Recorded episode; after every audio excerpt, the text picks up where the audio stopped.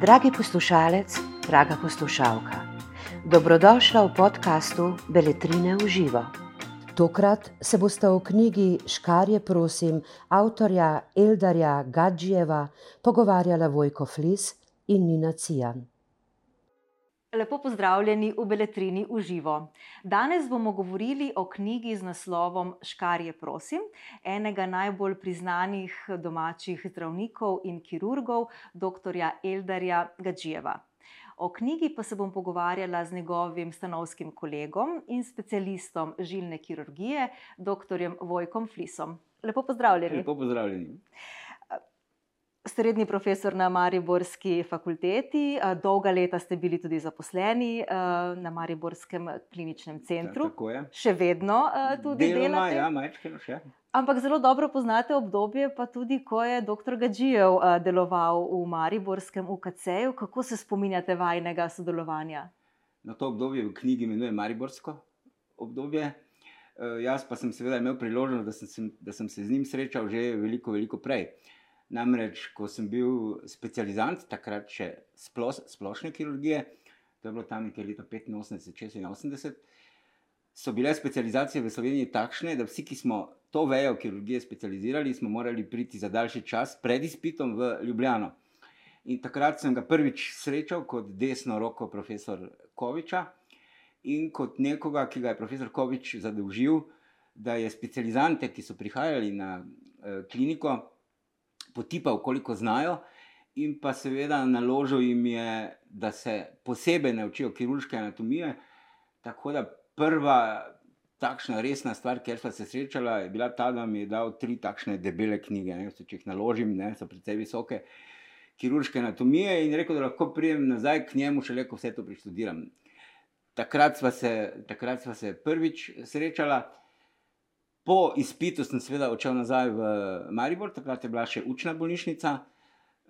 Kasneje, pa, ko je prišel v tako imenovano Mariborsko obdobje, pa nam je prišel pomagati ustanavljati medicinsko fakulteto. Bili smo izjemno zadovoljni, zaradi tega, ker ob znanju, ki ga je prinesel, je bilo to več kot potrebno, da je takratna, oziroma da je takratni oddelek za kirurgijo v učni bolnici Maribor dobil naziv klinika. In ko je takratna učna bolnišnica Maribor dobila tako imenovane štiri klinike, smo postali univerzitetni klinični center in njegova strokovna pomoč, pa tudi sicer je bila pri tem izjemno, izjemno uh, dragocena. No, ko je dr. Gadžijev odhajal iz Maribora po desetih letih, ste tudi vi postali uh, njegov namestnik oziroma naslednik na oddelku za kirurgijo. Kaj bi vi rekli, da je gospod, um, kakšna je bila njegova največja zapuščina v tem njegovem obdobju? Težko naštejem vse. V tem dolgem obdobju sva izjemno dobro sodelovala na strokovnem področju, tudi pri publiciranju, e, tudi pri strokovnem publiciranju v tujini. Pa izjemno veliko sva razpravljala o različnih pogledih na zgodovino na medicine, o različnih pogledih na filozofijo medicine. Potem veliko smo razpravljali o etiki in pravnih eh, problemih eh, v medicini, tako da smo imeli pogosto zelo živahne pogovore. On je bil v tistem obdobju predstojnik kirurške klinike. Eh, in ko je odhajal, je potem na nek način eh, mene zadolžil, da prevzamem njegovo mesto, in kasneje za njim sem bil več kot deset let, seveda, jaz potem predstojnik klinike in so ostala v, in so ostala v stiku tudi zaradi nekaterih strokovnih, eh, strokovnih razprav. Pogosto smo se srečali pri ožilju, on je bil seveda strokovnjak za jedra, za jedrno ožilje, ki je sicer mene tudi zanimalo, ni pa v tistem obdobju sodlo na nek način v moje področje. Medicina je včasih tako zelo razdeljena na različne, eh, na različne vrtičke. Tako da smo se tam eh, precej plodno srečali, ker smo naredili kar nekaj operacij ki se jih sicer nihče ni drznil iz vsake svojega uh, področja. Skupno pa je šlo to na nek način nekoliko drugače, ker smo vsak videli stvari, uh, stvari drugače. Tako da je veliko tega iz tega dolgega desetletnega ali več obdobja, ko je pravzaprav bil v Mariboru. No, ko beremo knjigo, um, to gre za nekakšen um, življenjepis oziroma potek njegove profesionalne poti. Uh, hkrati pa nam tudi ponuja pogled v razmišljanje dr. Gađijeva, v njegove dvome, uh, pa tudi o odločitvah, ki jih morate, kirurgi, vsakodnevno sprejemati. Je to prav ta sposobnost sprejemanja hitrih odločitev? Um, Nekaj, kar odlikuje dobrega kirurga, oziroma nekaj, brez česar kirurgi sploh ne morete postati. Najprej treba povedati, da je bil izjemen učitelj in da je bil uh, tudi moj učitelj. In to je treba povdariti. Bil je izjemen kirurg, izjemno dobro je uh, poznal anatomijo, zaradi tega lahko tudi izjemno spretno uh, operiral. Kar se pa seveda odločitev v kirurgiji tiče, so pa recimo podobne tudi v letalstvu. Spominjajo me pa na tisti rek. Uh, davni preteklosti, ki ga je Šarko Freud rekel, ne, dragi moj Freud, ne, eh, spolnost ni med nogami, ampak je v glavi. Tako da, ja, dober kirurg se ne odlikuje po tem, kako spretne prste ima, se ne odlikuje po tem, kako hiter je, ampak se odlikuje predvsem po tem, kako zna predvidevati, kako bo operacija, kako bo operacija tekla, kako zna videti nekaj potez naprej, tudi v več različnih scenarijih, kajti marsikaj se lahko med operacijo zgodi in moraš biti pripravljen na takšen ali na takšen eh, potek. In če to si, če to obvladaš, potem lahko dobro in varno operiraš. In eh, profesor Gajdžijo je bil takšen človek. In veliko je tudi opisoval, um, da se mu pravi, da se mu zdi, da dober kirurg je v prvi vrsti dober človek.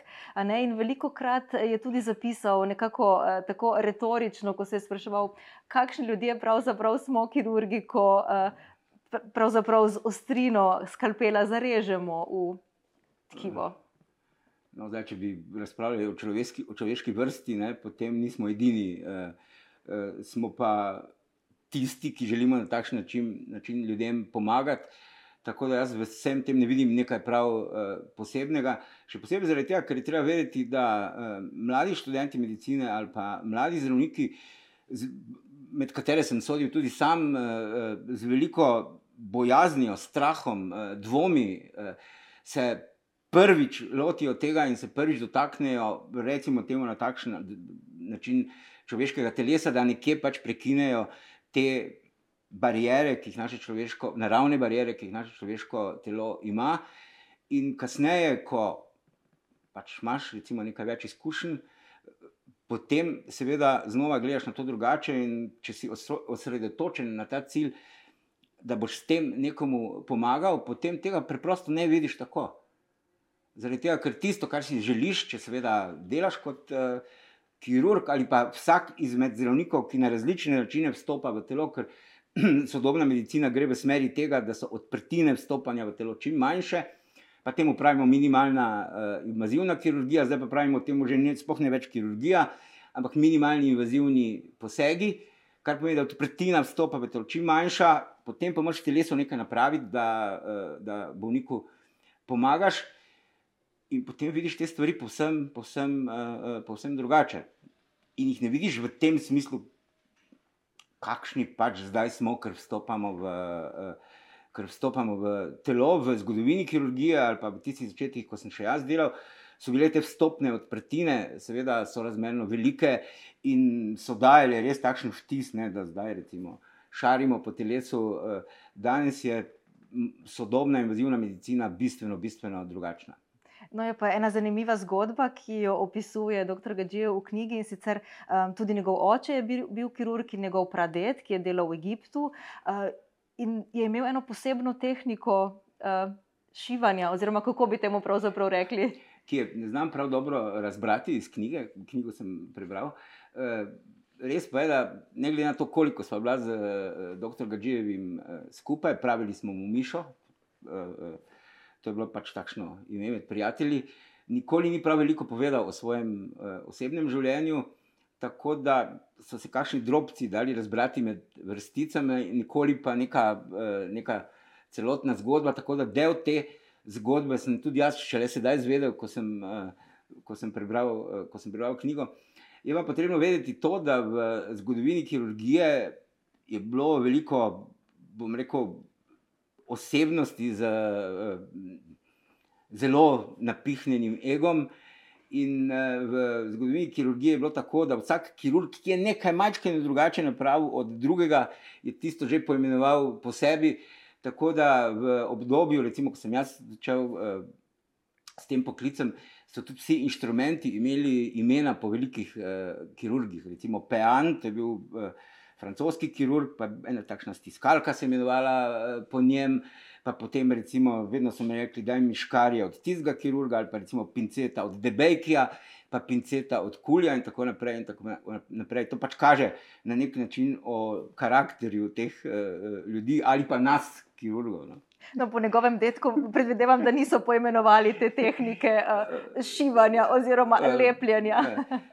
Treba je povedati, da je bil velik razkorak v, v prenosu znanja, če govorimo o tako imenovani, recimo, zahodni polobli, pa če vanjo štejemo, recimo, osrednjo Evropo, pa Združene države Amerike in pa tudi uh, Anglijo, in pa med tako imenovanim vzhodnim delom, kjer so bili zelo spretni, uh, zelo znani zdravniki, vendar se njihovo znanje ni prenašalo na tako imenovani zahodni del iz takšnih ali drugačnih razlogov. Tako da tisti, ki niso imeli dostopa do literature, recimo mačarske, češke, uh, ruske, češka kirurška šola, recimo, je zelo znana, pač teh ljudi niso poznali. Tukaj pa smo se večji del morali eh, učiti, po, vsaj kot študenti ali pa recimo kot uh, specializanti, bolj kot ne iz anglosaške literature, nekateri tudi iz uh, nemške, in smo te ljudi manj poznali, pa tudi imena so bila manj znana. Eh, ste rekli, da mm, dr. Gađev ni veliko govoril o svoji družinski preteklosti. Eh, kako pa je z vami delil svoje občutke glede eh, bolezni, ki jo tudi opisuje v knjigi o svoji krvni bolezni? Zdelo se, da je zelo pogumno prenaša. Dal je veliko, veliko težkih obdobij skozi. Bolezen se mu je vse čas slabšala, na vzven, seveda, se je zdelo, da to prenaša zelo preprosto in stoično. Eh, na vznoter se mi pa ni zdelo. Ampak tega ni prav pogosto kazal, dejansko je bilo potrebno to na nek način zaznati v tonu pogovora ali pa v dejansko načinu govorice. Eh, ni tega pretirano kazal, je pa zelo, zelo, bom rekel, težka obdobja svojega življenja zaradi bolezni, dajal skozi in jih še daje. No, prav v povezavi s svojo boleznijo govori tudi o zaupanju avtoriteti. Um, kako pomembno je zaupati zdravnikom, tudi ko je bil zdaj on na drugi strani. Ja, ja. Um, zdi se, da danes ne, v preobilici informacij, pa ko sami lahko razberemo uh, neke stvari. Verjetno ste se tudi vi kdaj srečali s kakšnim pacijentom, ko se je pravzaprav okay. samo diagnosticiral. Kako je danes s tem zaupanjem? No, danes živimo dejansko v obdobju, ne, ko nekateri že govorijo o tem, da pridejo k nam Google pacijenti. Ne. Skratka, ljudje se predtem lahko na različne načine eh, seznanijo s svojo boleznijo, marsikaj lahko dobijo iz teh druž, družabnih ali družbenih medijev, kakorkoli jih že imenujemo, eh, kar v mojem obdobju, ali česar v mojem obdobju ni bilo. In seveda prihajajo drugače eh, podučeni, drugače gledajo na bolezni. Potem pa seveda dobijo tudi veliko napačnih uh, informacij in tudi s temi pridejo. V mojem obdobju preprosto tega nismo poznali in je, bilo, je bil zdravnik avtoriteta, ki si pač moral uh, zaupati. Igral je neko vlogo patriarha, ki tako kot je rekel, tako je bilo, in sploh ni bilo dobene, uh, dobene razprave. Vendar pa se je to po letu 1945, po tako imenovanih Nürnberških procesih, spremenilo v povsem drugo v povsem drugo smer in to zaradi tega, ker so takrat ne samo Nemci, ampak tudi poznamo primer iz Združenih držav Amerike ali pa iz Japonske, ko so delali poskuse na ljudeh, ne da bi jim medicinske poskuse, ne da bi jim to sploh povedali. Eh, znan je primer iz Združenih držav Amerike, tako imenovani Tuskegee eksperiment, kjer so črnce, ki so bili eh, okuženi s sifilisom, pustili in jih niso zdravili, in so, so se morali kasneje eh, številni ameriški predsedniki še opravičevati zaradi tega, ampak to je bilo v sodobnem obdobju, ne, recimo po letu 70, skratka, to ni nekaj, kar je segalo nazaj v leto 45. In potem se je tudi medicinska etika in pa pravo, ki je povezano z etiko, tukaj sta kar blizu, eh, eh, povsem spremenilo. Kar pomeni, da smo potem to dejansko morali prenesti iz anglosaškega področja, da bolnik mora biti obveščen in da po pojasnilu, lahko se seveda pogovarjamo o tem, kako obsežno mora biti to pojasnilo, ampak da po pojasnilu mora privoliti v takšen ali drugačen eh, poseg, in se je ta avtoriteta zdravnika, seveda, bistveno spremenila, vsaj kot neka eh, socialna vloga ali pa lik. In pa seveda spremenila se je tudi zaradi tega, ker je medicina v povezavi z farmacevtsko industrijo v tem sodobnem obdobju, recimo, da rečemo tam nekje od leta 90 naprej, napravila tudi kar nekaj uh, strašnih kiksov. Tako da, ki so pa seveda veliko bolj znani, kot so bili prej. Danes se informacije tako hitro, tako hitro prenašajo, da vem, pred petimi sekundami se nekaj zgodi, že na spletu. Uh, v obdobju, ko sem jaz začel na tej svoji poklicni poti, sva tega ni bilo. Eno od poglavij, oziroma en razdelek v knjigi eh, je tudi na temo tako imenovanega, eh, dr. Gađijo tako to imenuje in pravi osebno pokopališče. Eh, to so tiste žalostne zgodbe pacijentov, ki se ne zaključijo tako, kot bi si želeli, kot, bi, kot so predvidevali. Kako težko je to za zdravnika, kirurga um, sprejeti? Je to sploh? Ne samo, za, ne samo za zdravnika, kirurga. Vsak zdravnik. Uh, se bo, če si želi ali pa ne, srečal s tem, da mu ljudje umrejo, srečal se bo s tem, če ne prej, takrat, ko bo moral iti v neko družino in ugotoviti, da je nek drag družinski član resnično uh, umrl. In to so seveda najtežji trenutki, ki jih nikoli ne uh, predelaš v sebi. In se ti vedno znova vračajo. Tako da uh, to je težko. Težko je temu, lahko temu rečeš, seveda, uh, recimo, osebno pokopališče, zaradi tega, ker v naravi človeške psihe je to, da del krivde vedno prenašaš na sebe. Uh, lahko zelo velik del krivde preneseš na sebe in to težko prenašaš, in se lahko seveda tudi sesuješ. Uh, vedno pa ti to ostaja. Zdaj pa se tako, kot on to v knjigi, tako kot on to v knjigi opisuje. Opisuje primere, ki so včasih celo bili nerešljivi. In tudi pri tistih primerih, ki so uh, nerešljivi, ko greš ven iz operacijske dvorane, še vedno ti v glavi tečejo vsi zobniki, ti teče film, eh, kaj bi bilo mogoče napraviti drugače, kje bi mogoče lahko naredil nekaj drugega, da bi primer eh, se iztekel, pa se, pa se žal ni, ampak to je v naravi tega poklica. In seveda ta večji ali manjši občutek krivde, pa če tudi seveda ne bo nesporazuma, nisi nič kriv, te, te vedno spremlja. Ne? Zaradi tega, ker je to uh, pač eden najtežjih trenutkov, nasploh, ko moraš videti, da ti bolnik umre. No, ampak kot tudi dr. Gađijo v neki točki zapiše, tudi vi ste samo ljudje, niste uh, bogovi na nek način. Pravi, ne.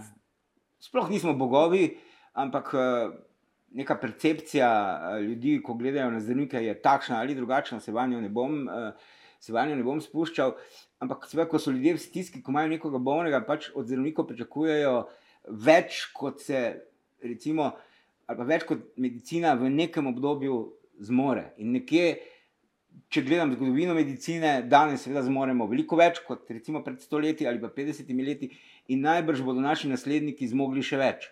Ampak v tistem obdobju, pač, v katerem delaš, v katerem plodno delaš, ima medicina na vseh svojih področjih neke omejitve. In takrat se zaletiš pač v zid in ne moreš več, uh, in ne moreš več naprej. In takrat bolniku seveda veš, da mu ne boš mogel pomagati, medtem ko pričakovanja bolnika, pričakovanja svojcev so pa bistveno, uh, bistveno drugačne.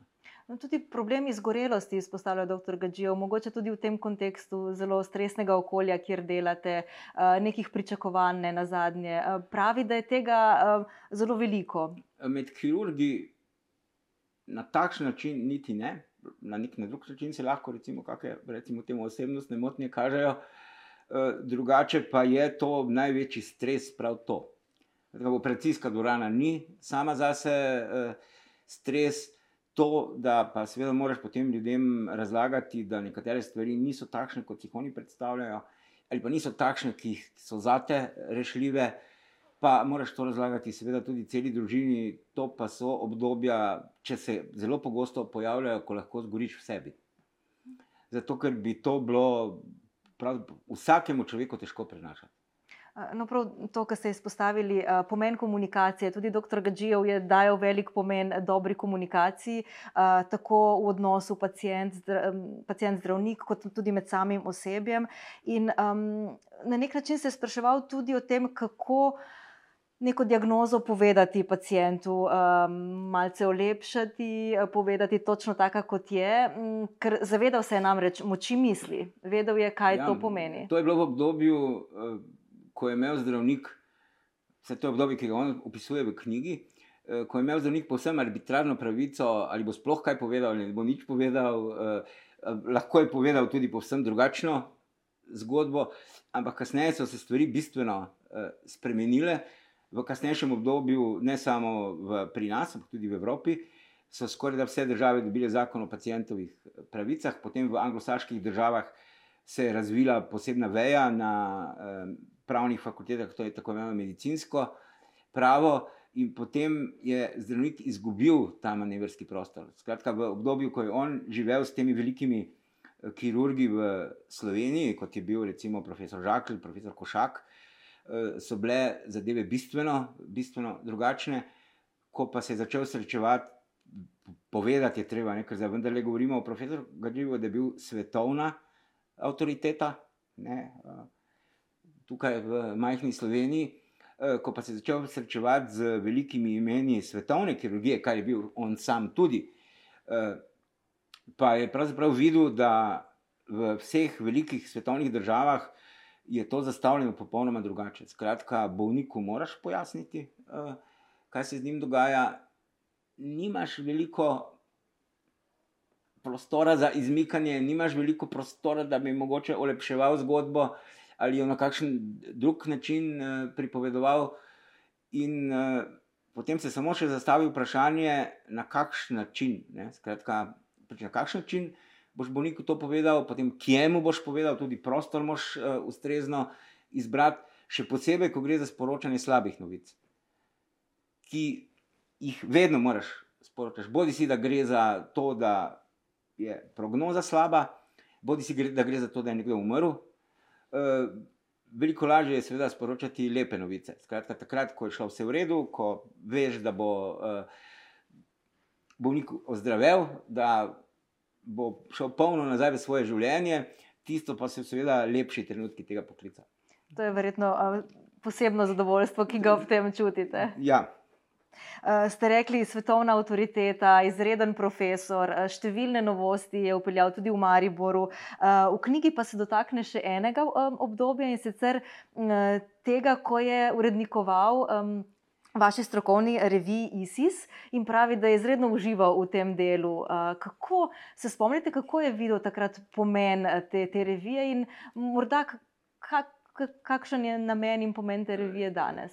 Ima velike izkušnje z, ne samo z urejanjem, tudi s pisanjem knjig, nekaj številne je uredil, strokovne knjige.